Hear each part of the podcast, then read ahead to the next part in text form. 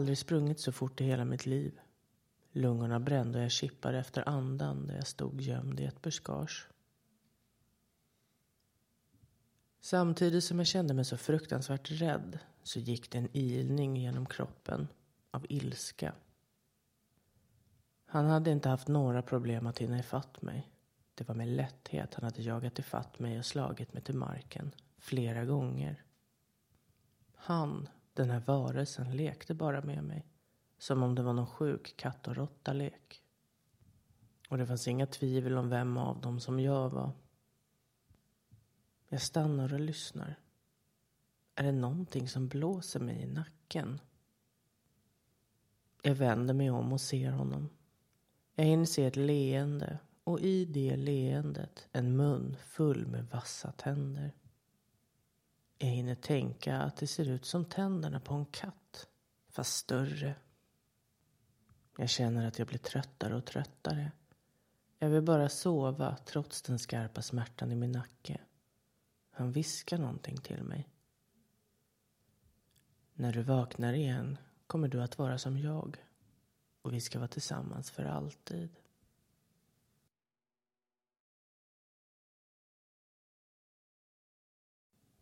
Välkommen till Oknytt och andra väsen.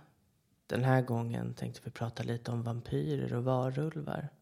Och det är ett ämne som aldrig riktigt går ur tiden. Vampyrer har fascinerat många genom tiderna. Allt från Nosferatu från 1922, Draculas dotter från 1936 och En vampyrs bekännelse från 1994 till Buffy och vampyrerna, Supernatural och Twilight. Det är mystiskt, skrämmande och självklart lite förbjudet. Och var man, eller är man, ett fan av Twilight så glömmer man inte bort om man var team Edward eller team Jacob i första taget. Eller den förbjudna romansen mellan Buffy och Angel, den enda vampyren med en själ. Nej, det är inte svårt att förstå varför vampyrer har skrämt slag på och fascinerat människor genom tiderna.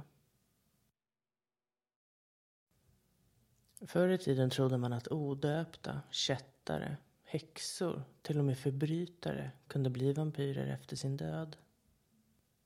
Men även om man var född utanför äktenskapet av föräldrar som var utomäktenskapliga barn. Eller om man hade förnekat Gud. Så ja, det fanns många orsaker till att någon kunde återuppstå som en vampyr. Och sen så finns det den klassiska såklart. En vampyr dricker ditt blod och du dricker deras.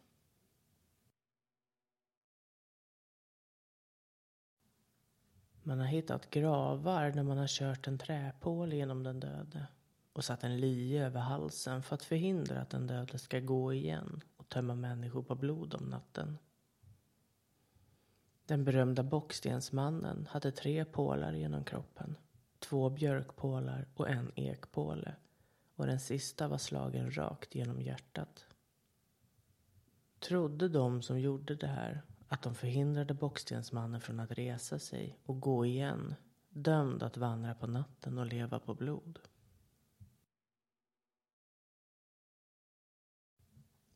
Hur man ser på vampyrer har nog minst sagt ändrats genom åren. Hollywood med filmer och serier har nog bidragit en hel del i det. Det mer traditionella synsättet innebär att vampyrer sover i kister på dagarna. De kan inte vara ute i solljus och är mycket bleka och kalla och smyger runt och suger blod från sovande människor. Man trodde att vampyrerna besökte sina offer i drömmarna och på så sätt så kunde de komma in i ens hem. En vampyr kan nämligen inte komma in utan att ha blivit inbjuden. Så den inte ett ont anande människan hade ingen aning om att det var en vampyr som besökte dem i drömmarna och blev beviljad tillträde till ens bostad. Man trodde också att vampyren inte dödade direkt utan återkom flera nätter i rad för att tömma sitt offer på blod. Så människorna runt omkring kunde se hur offret blev tröttare och blekare under de här dagarna för att sedan avlida och själv återuppstå som en vampyr. Och beroende på vad man kollar på nu är det lite skillnad. I serien Vampire Diaries kan vampyrer med hjälp av en häxa gå i solljuset som vilken människa som helst. En häxa lägger en förtrollning på ett smycke med stenen lapis lazuli på som vampyren sen har på sig för att kunna bli en daywalker. Tar de av sig smycket så kan de inte gå i solen. Och här ändrar inte heller vampyrerna utseendet speciellt mycket när de ska äta. De får röda ögon och kärlen runt ögonen blir synliga och huggtänderna syns. I Buffer the Vampire Slayer är det lite mer traditionell tolkning på vampyrerna. De kan inte gå ut i solljuset och när tänderna kommer fram så förändras deras ansikten. Man skulle kunna säga att den inre demonen kommer fram för omvärlden att se. Och i tv-serien Supernatural så växer en rad med sylvassa tänder fram när vampyrerna vittrar blod. Och så Twilight. Där är vampyrer vackra varelser med marmorhård hud som glittrar som diamanter i solskenet. Och lever vampyrer på människoblod är ögonen djupt röda och lever de på djurblod så har de en ambergul färg.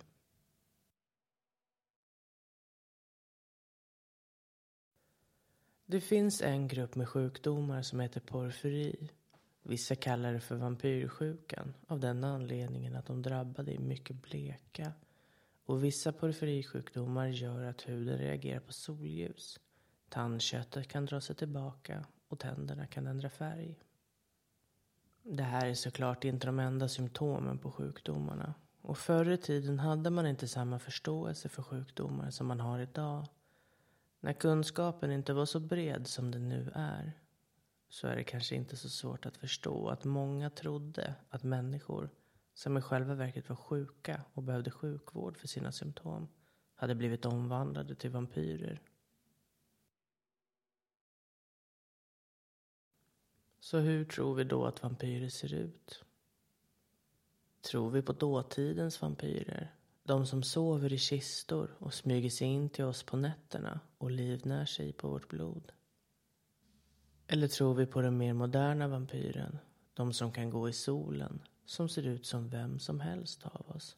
Som jagar i det dolda och smälter in i samhället. Självklart får vi inte glömma bort att ta med det som kan döda och försvaga en vampyr. Det sägs att de skyr vitlök. Men om det beror på den mindre attraktiva andedräkten man får efter förtäring eller vitlök som den är, det är lite oklart. Och kors är inte någonting som tar dem av daga heller. Men vampyrer är styggelser och oheliga varelser. Och därför skyr de Jesus och Gud. Och så finns det eld. Tuttar du eld på en vampyr blir de till aska på ett ögonblick. Och ett sätt att säkerställa att en vampyr aldrig kommer gå igen, det är genom halshuggning. Och så finns det vigvatten. Även om det inte tar kål på dem så är det smärtsamt för dem att få det på sig.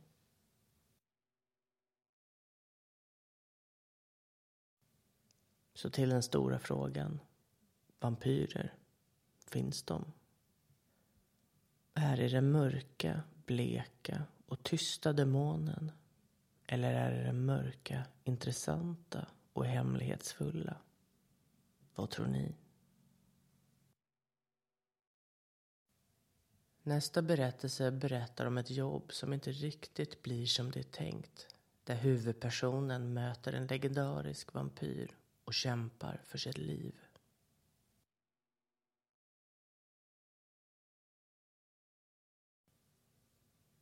I de ödsliga skogarna i Transylvanien, där tidens tunna slöja mellan verklighet och myt tycks bli ännu tunnare, drogs jag in i ett fotojobb som övergick från en enkel uppgift till en levande mardröm.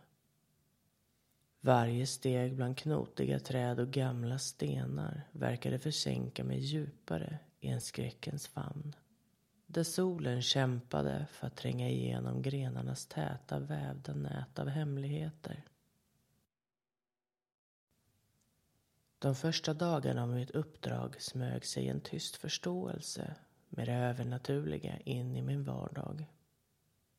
Mörka skuggor omfamnade varje hörn av den uråldriga borgen och min kamera blev en förlängning av min egen rädsla.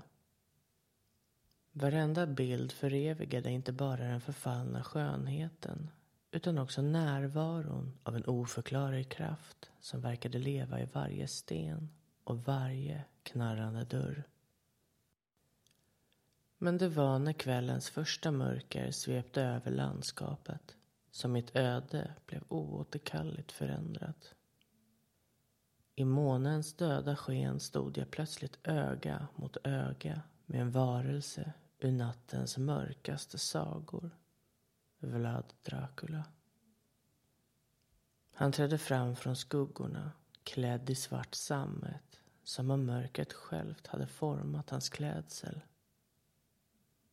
Hans ögon var fönster till en annan tid där lidande och förlust tycktes ha garvats in i själen. Draculas viskningar var som en förförisk sång från de dödas rike och jag drogs in i en värld där nätterna inte bara bar på mörker utan också på en hunger som övergick till de levandes rike. Dagar smälte samman med nätter och varje andetag kändes som en strid mot en osynlig fiende som hade gjort borgen till sitt hem. Det som skulle vara ett kort fotojobb blev en kamp för överlevnad. Varje hörn av borgen blev ett fängelse och en labyrint där tiden verkade stå stilla och varje steg tyngdes av det förflutna spöken. Åtta långa månader av oförklarlig förlust och oidentifierbar ångest passerade som skuggor på väggen och jag var fånge i en mörk saga utan slut. Jag kämpade mot osynliga krafter där varje soluppgång var som en blyertstecknad seger över natten. Men även när jag återvände till Sverige, fysiskt befriad från borgens kalla klor, fanns Draculas närvaro inristad i min själ. Varje tyst ögonblick fylldes av en spänning som om mörkret fortfarande andades genom mig. Nu, när jag återhämtar mig från det oförklarliga och försöker sammanföra bitarna av mitt liv är varje dag en strävan efter att förlåta det oförlåtliga. Jag är hemma, men minnen av den eviga natten jag överlevde har format mig på ett sätt som går bortom vad ögat kan se och vad kameran kan avslöja. Jag bär inte bara på ärr på min kropp, utan också på min själ en skräckens tatuering som följer mig genom varje solnedgång och varje mörk kväll.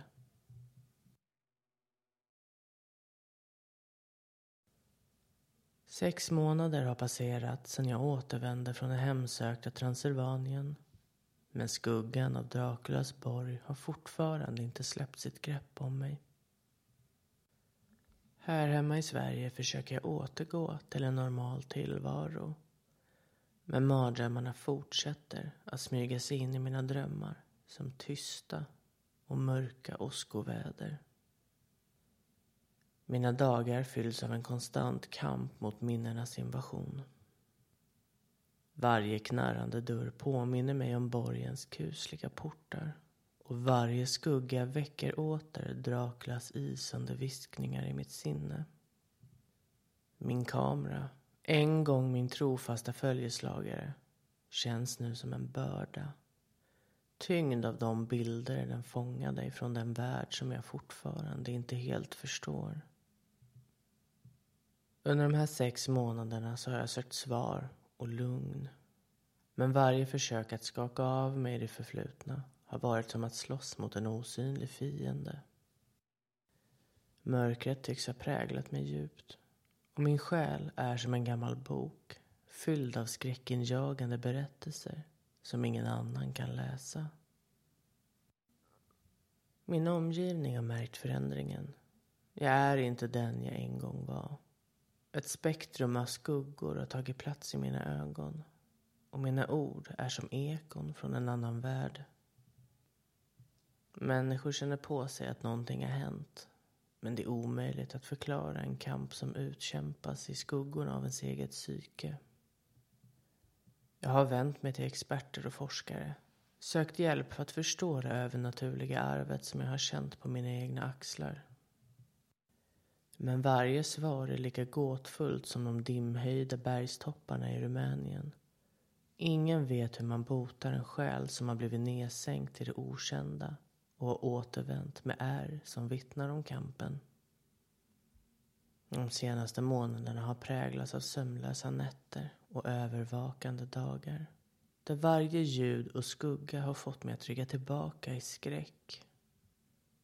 Draculas ögon verkar fortfarande stirra på mig från det fördolda. Och jag frågar mig om den mörka andens pris är någonting jag nu måste betala för resten av mitt liv.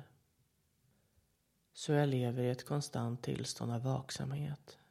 Förväntar mig att nästa mörka kapitel i den här övernaturliga sagan ska veckla ut sig när som helst. Jag vet inte om jag någonsin kommer att återfå den ro och vardag som jag hade innan den här ödesdigra resan. Varje dag är en kamp mellan att överleva det förflutnas fasor och att återupptäcka skönheten i en värld som en gång var normal. Så lever jag nu. Buren av mina minnen och fången i en skräckinjagande verklighet där Draculas arv följer mig som en olycksbådande skugga genom livets gång. Och fyra månader har förflutit sedan jag senast kände solens varma strålar. Nu är det en dimmig, kall värld där galenskapen har smugit sig in och rotat sig djupt i mitt sinne. Varje dag är en kamp mellan att hålla fast vid någon slags normalitet och att inte bli uppslukad av de dunkla skuggorna som envist fortsätter att jaga mig. Mina nätter fylls av mardrömmar som är som trasiga filmremsor från Draculas borg. Jag ser hans ögon, djupa som avgrunder och hör hans viskningar i varje skugga. Galenskapen har blivit som ett gift som sakta sprider sig i varje hörn av mitt medvetande. Förgiftar tankarna och får mig att ifrågasätta min egen verklighet. Människorna runt omkring mig har märkt förändringen. Ögon som en gång var livfulla är nu tomma. Och mina ord är som skarpa knivar som skär genom den spända tystnaden. De frågar mig vad som har hänt. Men hur förklarar man för andra det som inte kan ses eller röras? Draculas arv är som en osynlig boja som håller mig fast i en vrå av min egen psykiska fångenskap. Och jag har ju sökt hjälp genom terapins mörka korridor och överlevnadsmanualer för att navigera genom det okända.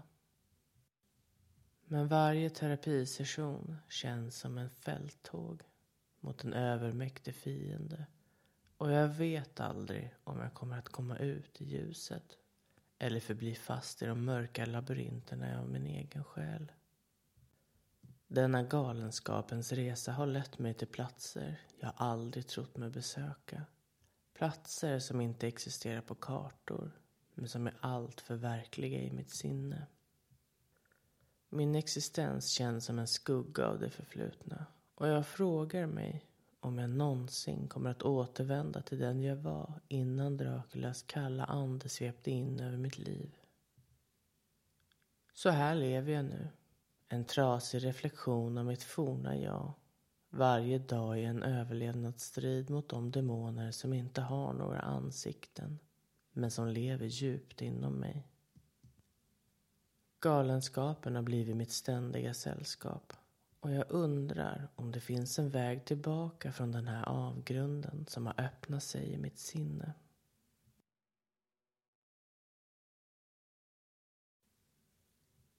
Två långa år har tyst glidit förbi sedan jag återvände hem från den hemsökta borgen i Transylvanien och ännu har inte tidens lopp läkt de sår som Draculas ande grävde in i min själ.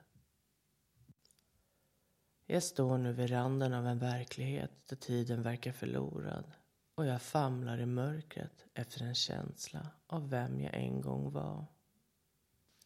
Min omgivning betraktar mig som en skugga av mitt forna jag. Mina ögon, en gång fyllda av livets glöd, är nu djupa brunnar av oklarhet. Orden jag talar är som en kryptisk symfoni av en förlorad själ och människorna omkring mig håller sig på avstånd. Rädda för att de inte kan förstå. Jag har blivit en vandrande paradox. Mina dagar är en oändlig ström av förvirring. Jag vaknar upp till ett kaos av minnen som tycks vrida och vända sig i min skalle. Som spöken från det förflutna. Draculas ögon, djupa och svarta, reflekteras i varje blank yta. Jag ser dem i spegeln, i vattnet och jag undrar om det är jag eller om det är den mörka fursten som stirrar tillbaka. Sömnen har blivit en undvikande skugga. För i drömmarnas värld är jag inte längre en enskild individ. Jag är en del av den ständiga natten där mardrömmar föds ur en oförsonlig duell mellan ljus och mörker. Jag vet inte längre om jag drömmer Draculas drömmar eller om han nu smyger sig genom mina egna. De människor jag älskade har blivit främlingar i mitt eget hjärta. Jag undrar om de känner igen mig. Om de ser mig som den jag en gång var. Min kontakt med omvärlden är som att tala genom en glasvägg. Orden når dem, men förståelsen tycks vara förlorad i den frostiga barriären emellan oss. Så här står jag nu, två år senare, i en skuggornas värld där jag inte längre vet vem jag är eller vad jag är. Varje dag är en kamp mot den växande galenskapen som förtär mig inifrån. Jag är fast i en tidlös dimma där verklighetens gränser suddas ut och Draculas mörka arv förvränger varje steg jag tar. Vad är jag nu om inte en trasig själ som famlar efter sitt eget försvunna jag? De mörka nätterna är fyllda av viskningar från det fördolda och Draculas arv pulserar igenom mig som en förlorad sång från de döda. Jag har inte längre kontroll över mina egna tankar och handlingar. Varje steg jag tar är en dans på randen av avgrunden och jag vet att jag är på väg mot någonting oumbärligt. Någonting som jag inte längre orkar motstå. Jag finner ingen tröst i dagens ljus eller nattens skuggor. Min egen spegelbild är som en främmande varelse och jag undrar om det någonsin fanns någon mening med mitt liv som sträcker sig bortom de mörka murarna i Draculas borg. Är jag nu en marionett, styrd i skuggornas spel? Förhoppningsvis blir det här mitt sista inlägg. För jag känner nu en överväldigande trötthet. En avgrundsdjup utmattning som inte går att bota. Jag har kämpat mot det oundvikliga. Men nu omfamnar jag det som en förlorad vän. Mörkret är min enda följeslagare och jag stiger ner i dess famn med en önskan om frid. Så här slutar min berättelse i en kuslig tystnad där de sista orden dör bort som en sista utandning. Om det finns en fortsättning på andra sidan Låt det vara en plats där galenskapen lämnar mig i fred och där jag kan finna ro bland skuggorna av det förflutna. Farväl världen. Farväl.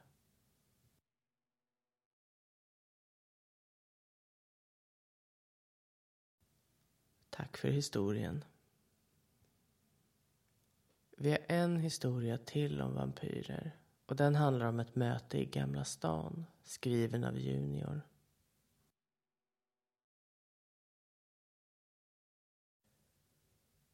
Den natten i Gamla stan kommer jag aldrig glömma. En smal gränd, mörk och stilla, blev platsen för en skräckinjagande upplevelse Månens bleka ljus kastade skuggor över kullerstenarna där jag, Siv, mötte vampyren.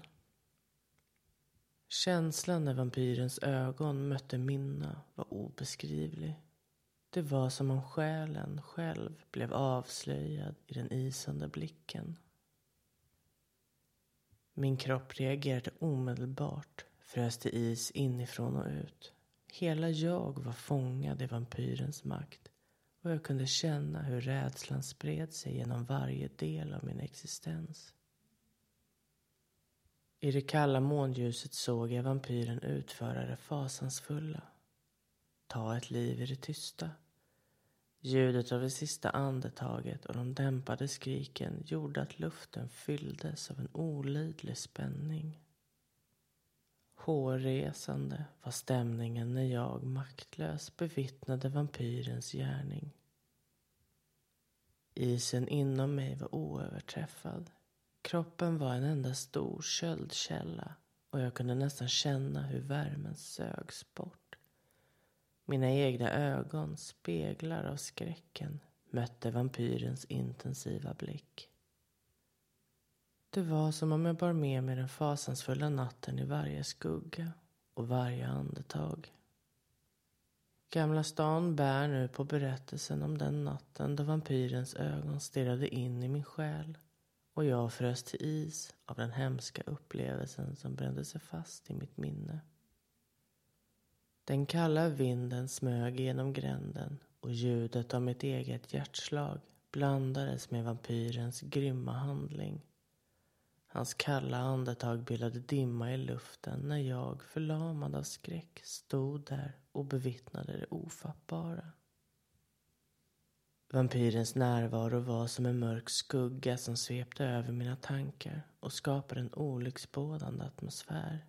Jag kunde nästan känna doften av död och förlust när han fullbordade sitt ondskefulla uppdrag. Jag försökte desperat att slita mig loss från den hypnotiska blicken. Men varje fiber av min kropp var fängslad av vampyrens övernaturliga makt. Tiden stod stilla. Och det var som om jag befann mig i en mardröm där jag inte kunde skrika eller fly. Efter vampyrens grymma dåd, när tystnaden återvände till gränden, kunde jag fortfarande känna den intensiva kylan inom mig. Mörkret hade lämnat ett osynligt märke på min själ. Och varje steg jag tog genom Gamla stan var som en påminnelse om den skräckinjagande natten. Den här erfarenheten, som om det vore ett sår som aldrig skulle läka, är inristat i mitt minne jag bär med mig vampyrens blick, ljudet av det sista andetaget och den isande kylan som ett oförglömligt arv från den natten då skuggorna dansade med det övernaturliga och mitt liv förändrades för alltid. Sex månader har gått sedan den fasansfulla natten. Skuggorna av vampyrens gärning har kastat en långvarig skugga över mitt sinne. Men jag har försökt att återfinna någon form av normalitet. Dock har ödet andra planer. En kylig natt, precis som den då vampyren framträdde, märkte jag närvaro på min balkong. När jag vågade mig närmare möttes jag av en syn som frös mitt blod. Där stod vampyren som om han hade vandrat genom mörkret och tidens skikt för att nå min dörr. Hans ögon, lika intensiva som sist, stirrade in i min själ och jag kände återligen den isande kylan skära genom mig. Det var som om vampyren hade kommit för att påminna mig om den nattliga tragedin och på nytt sätta mina nerver i brand. Jag som hade försökt att lämna det förflutna bakom mig befann mig nu öga mot öga med det övernaturliga på min egna balkong. Frågor och rädslor virvlade i mitt huvud och jag visste inte om jag vågade möta vampyrens blick eller om jag skulle fly från min egen bostad. Så den här natten sex månader senare tycks vara en fortsättning av mardrömmen som startade i Gamla stan. Vampyrens närvaro har återligen väckt de demoner jag har försökt att begrava. Och nu står jag inför en ny konfrontation av det övernaturliga. Och skuggorna av den hemska natten fortsätter att forma min tillvaro. Vampyrens blick var en hypnotisk dans av ondskan själv. Trots mina försök att skaka av mig den isande känslan kände jag hur hans mörka närvaro smög sig djupare in i min själ. Orden fastnade i min strupe när jag insåg att flykt inte längre var ett alternativ. Ett lågmält, nästan viskande skratt ekade genom natten när vampyren tog ett steg framåt. Balkongens kalla golv förlängde den kusliga känslan som kröp upp längs min ryggrad. Jag visste att jag inte längre var en passiv observatör utan snarare ett byte som var fast i vampyrens dödliga spel. Månskenet framhävde de långa, vassa tänderna när vampyren närmade sig. Varje andetag kändes som en kamp mot den kvävande rädslan som nu omfamnade mig. Hoppet om överlevnad bleknade och jag insåg att mina dagar som en vanlig människa var räknade. Den här gången var det ingen tyst död i en gränd. Vampyren hade kommit för mitt liv. För att sudda ut det sista av min existens. Hans isande blick skar genom mörkret och släckte det sista av ljuset i mina ögon. Ett dödligt ögonblick av förlamande rädsla blev mitt öde när vampyren, triumferande och kylig som natten själv, slukade mitt liv med ett enda bett. Och där, på min egna balkong, försvann jag in i det okända. Skuggorna tog över och lämnade bara minnet av en frusen skräck. En berättelse som aldrig skulle höras igen.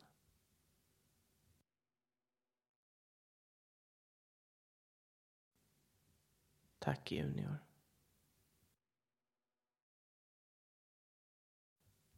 Det är väl inte mer än passande att ha vampyrer och varulvar i samma avsnitt. Vissa säger att det finns ett hat och en illvilja mellan de här väsena. Att de inte kommer så bra överens. Men det är ett modernt synsätt skapat av Hollywood. När vi hör varulv idag tänker vi på en stackare som har varit ute och joggat en sen kväll och blir attackerad av ett argt och vildsint djur. Och en månad senare så genomgår de en förvandling för att själva bli ett vilddjur i fullmånens sken. Men som med vampyrer så har inte alltid det här synsättet och tron på varulvar varit så här. Faktum är att fullmånen hade inget alls med en varulv att göra. Varulv kan man bli genom trolldom. Antingen genom en förbannelse eller att man gör det frivilligt mot sig själv. Väljer man det själv så använder man sig av ett magiskt föremål för förvandlingen. Ett bälte, eller en hud från ett djur, eller en salva. Och ofta så valde man att bli en varulv i syfte att hämnas på någon. Och blev man en varulv på grund av en förbannelse pratade man ofta om att det var en gammal man eller kvinna som kom utifrån och in i byn för att lägga förbannelsen. Någon som inte hörde hemma man kan tänka sig att det grundade sig i rädsla för främlingar. En gravid kvinna kunde påverka om hennes ofödda barn skulle råka ut för förbannelsen genom hennes egna handlingar under graviditeten. För att få en enklare förlossning så fanns det några saker som en gravid kunde göra. Och att krypa under en märr var en av dem. Eller att krypa genom en fosterhinna från ett föl. Men också att föda sitt barn på en plats där en mär vältrar sig. Och den gemensamma nämnaren här är ju hästen. Och det är av den enkla anledningen till att man tyckte att hästar hade lättare att föda än vi. Och därför tänkte man att den egenskapen skulle föras över på modern så hade man förlossningsrädsla så skulle man göra de här grejerna och få en mycket enklare och vara mindre smärtpåverkad under förlossningen. Men det hade sitt pris. Gjorde man de här sakerna och barnet blev en pojke så blev han en varulv. Och blev det en flicka så blev hon en mara. Men det fanns även fler sätt att bli en varulv på. Om en katt stirrade på vaggan där det låg ett nyfött barn så kunde barnet bli en varulv. Men ett barn kunde även bli det om en katt gick under en likkista och sen under sängen under förlossningen. En varulv kan beskrivas som ett stort och hårigt och lurvigt djur som kan ses springa på tre ben. Och det brukar ha sin förklaring i att enligt folktron så blir ena armen på människan en svans istället för ett ben. Och det finns en del saker som kännetecknar en varulv när de inte är förvandlade. Förr trodde man att ihopväxta eller utåtstående ögonbryn kunde vara ett tecken på att man var en varulv. Och det sades att en varulv saknade skugga och hade nedslipade tänder. Andra tecken kunde vara ärr i ansiktet och man resonerade att människan måste ha fått ärren i ansiktet som varulv. Och sprang man upp för trappor eller branta backar och kullar på alla fyra så fanns det risk att man var en varulv. De som var trötta under dagen kunde definitivt vara en varulv.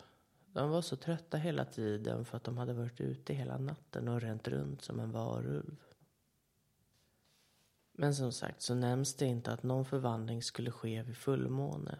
Många gånger sker den på natten, vid midnatt, men ingen måne. Det kunde vara vissa tider, varje kväll eller vissa veckodagar, en speciell månad eller runt juletid. Det kunde pågå i flera år, vanligtvis sju år, men också hela livet.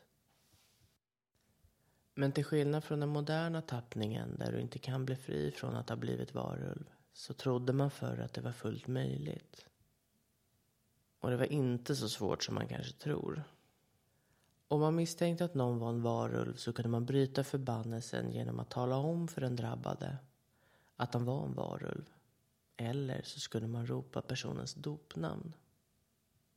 Som sagt, inte så komplicerat som man kan tro.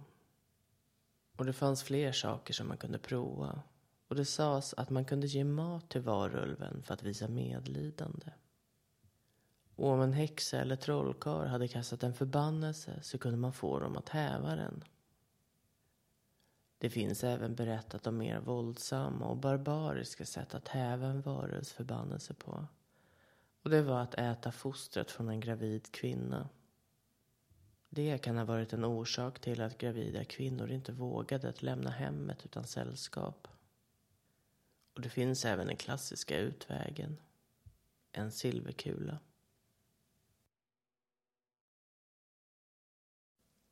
Så där har vi det. Vampyrer och varulvar. Två väsen som nog aldrig kommer att gå ur tiden. Väsen som ändrar sig med tidens gång men alltid verkar ha kvar det där mystiska. För vi vet ju trots allt inte med säkerhet. Finns de på riktigt? Eller är det bara sagor? Här kommer en sista historia skriven av Anonym.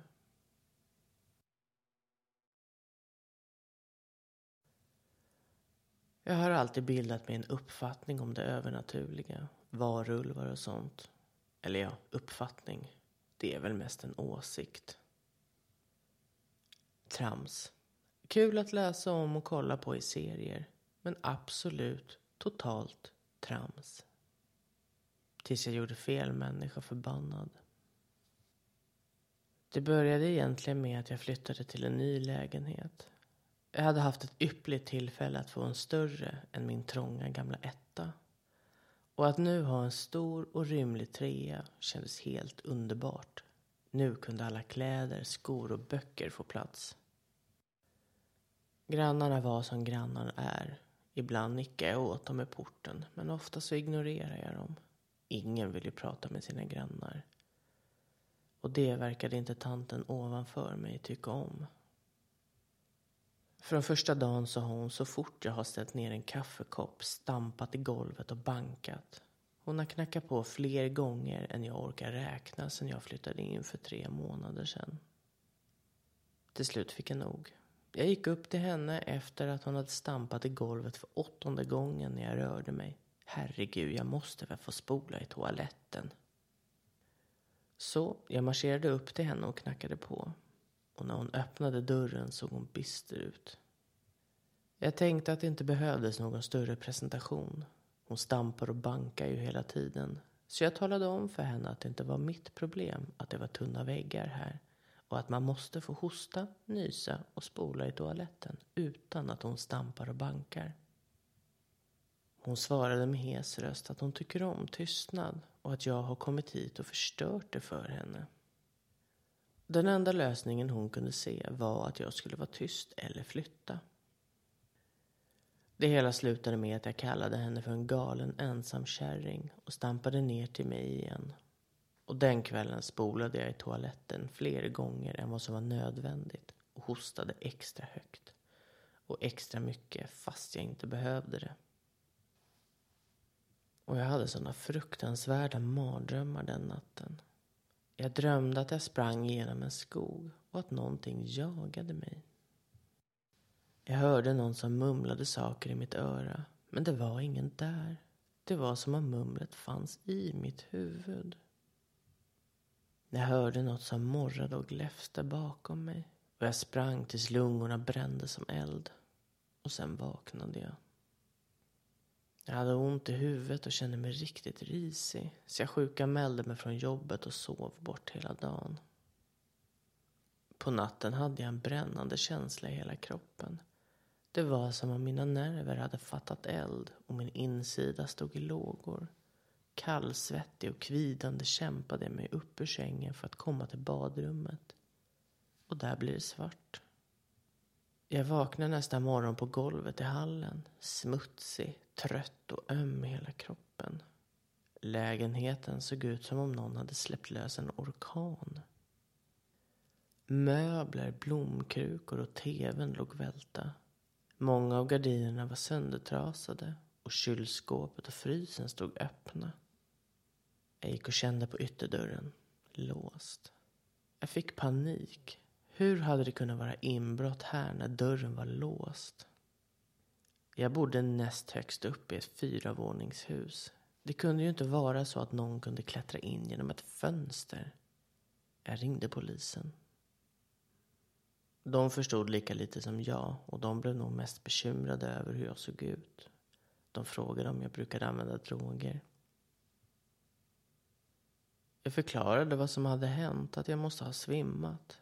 Och det slutade med att jag fick åka in till sjukhuset för att ta ett blodprov för att kolla om jag hade blivit drogad eller förgiftad. Provsvaren visade att jag inte hade blivit drogad eller förgiftad. Men doktorn förklarade att mitt blod visade tydliga tecken på att min kropp bekämpade en kraftig infektion. Jag fick rådet att gå hem och vila ett par dagar och blev jag inte bättre skulle jag söka på vårdcentralen. Det blev inte bättre.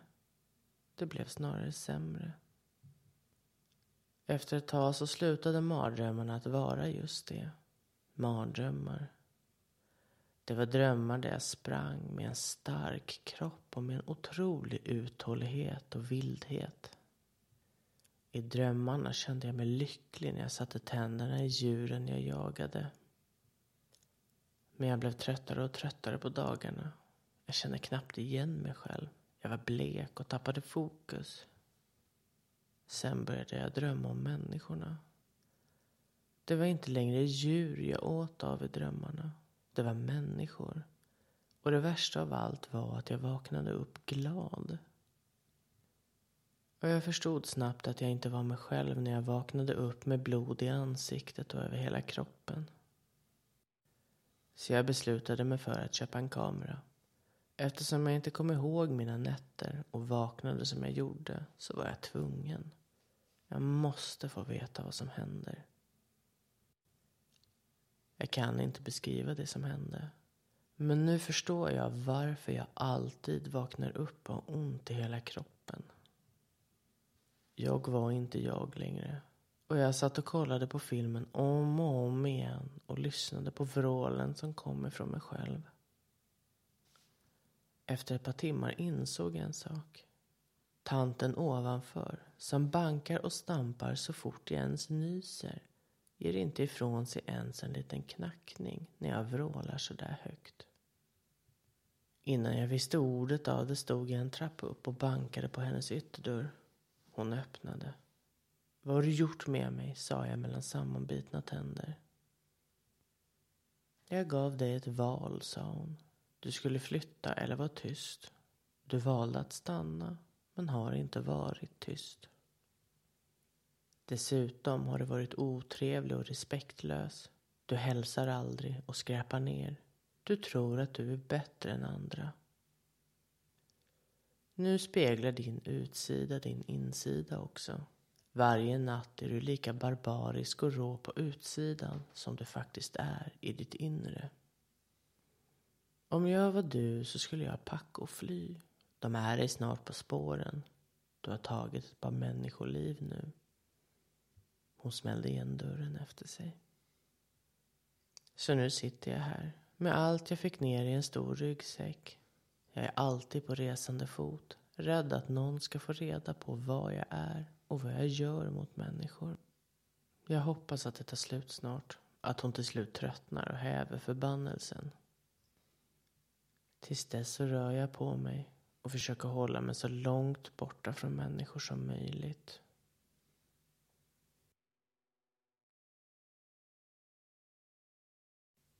Tack för den berättelsen. Med det sagt så säger vi hej då för den här gången. Var försiktiga med vem ni släpper in. Man vet ju aldrig om det är en vampyr eller en varulv. Tills nästa gång.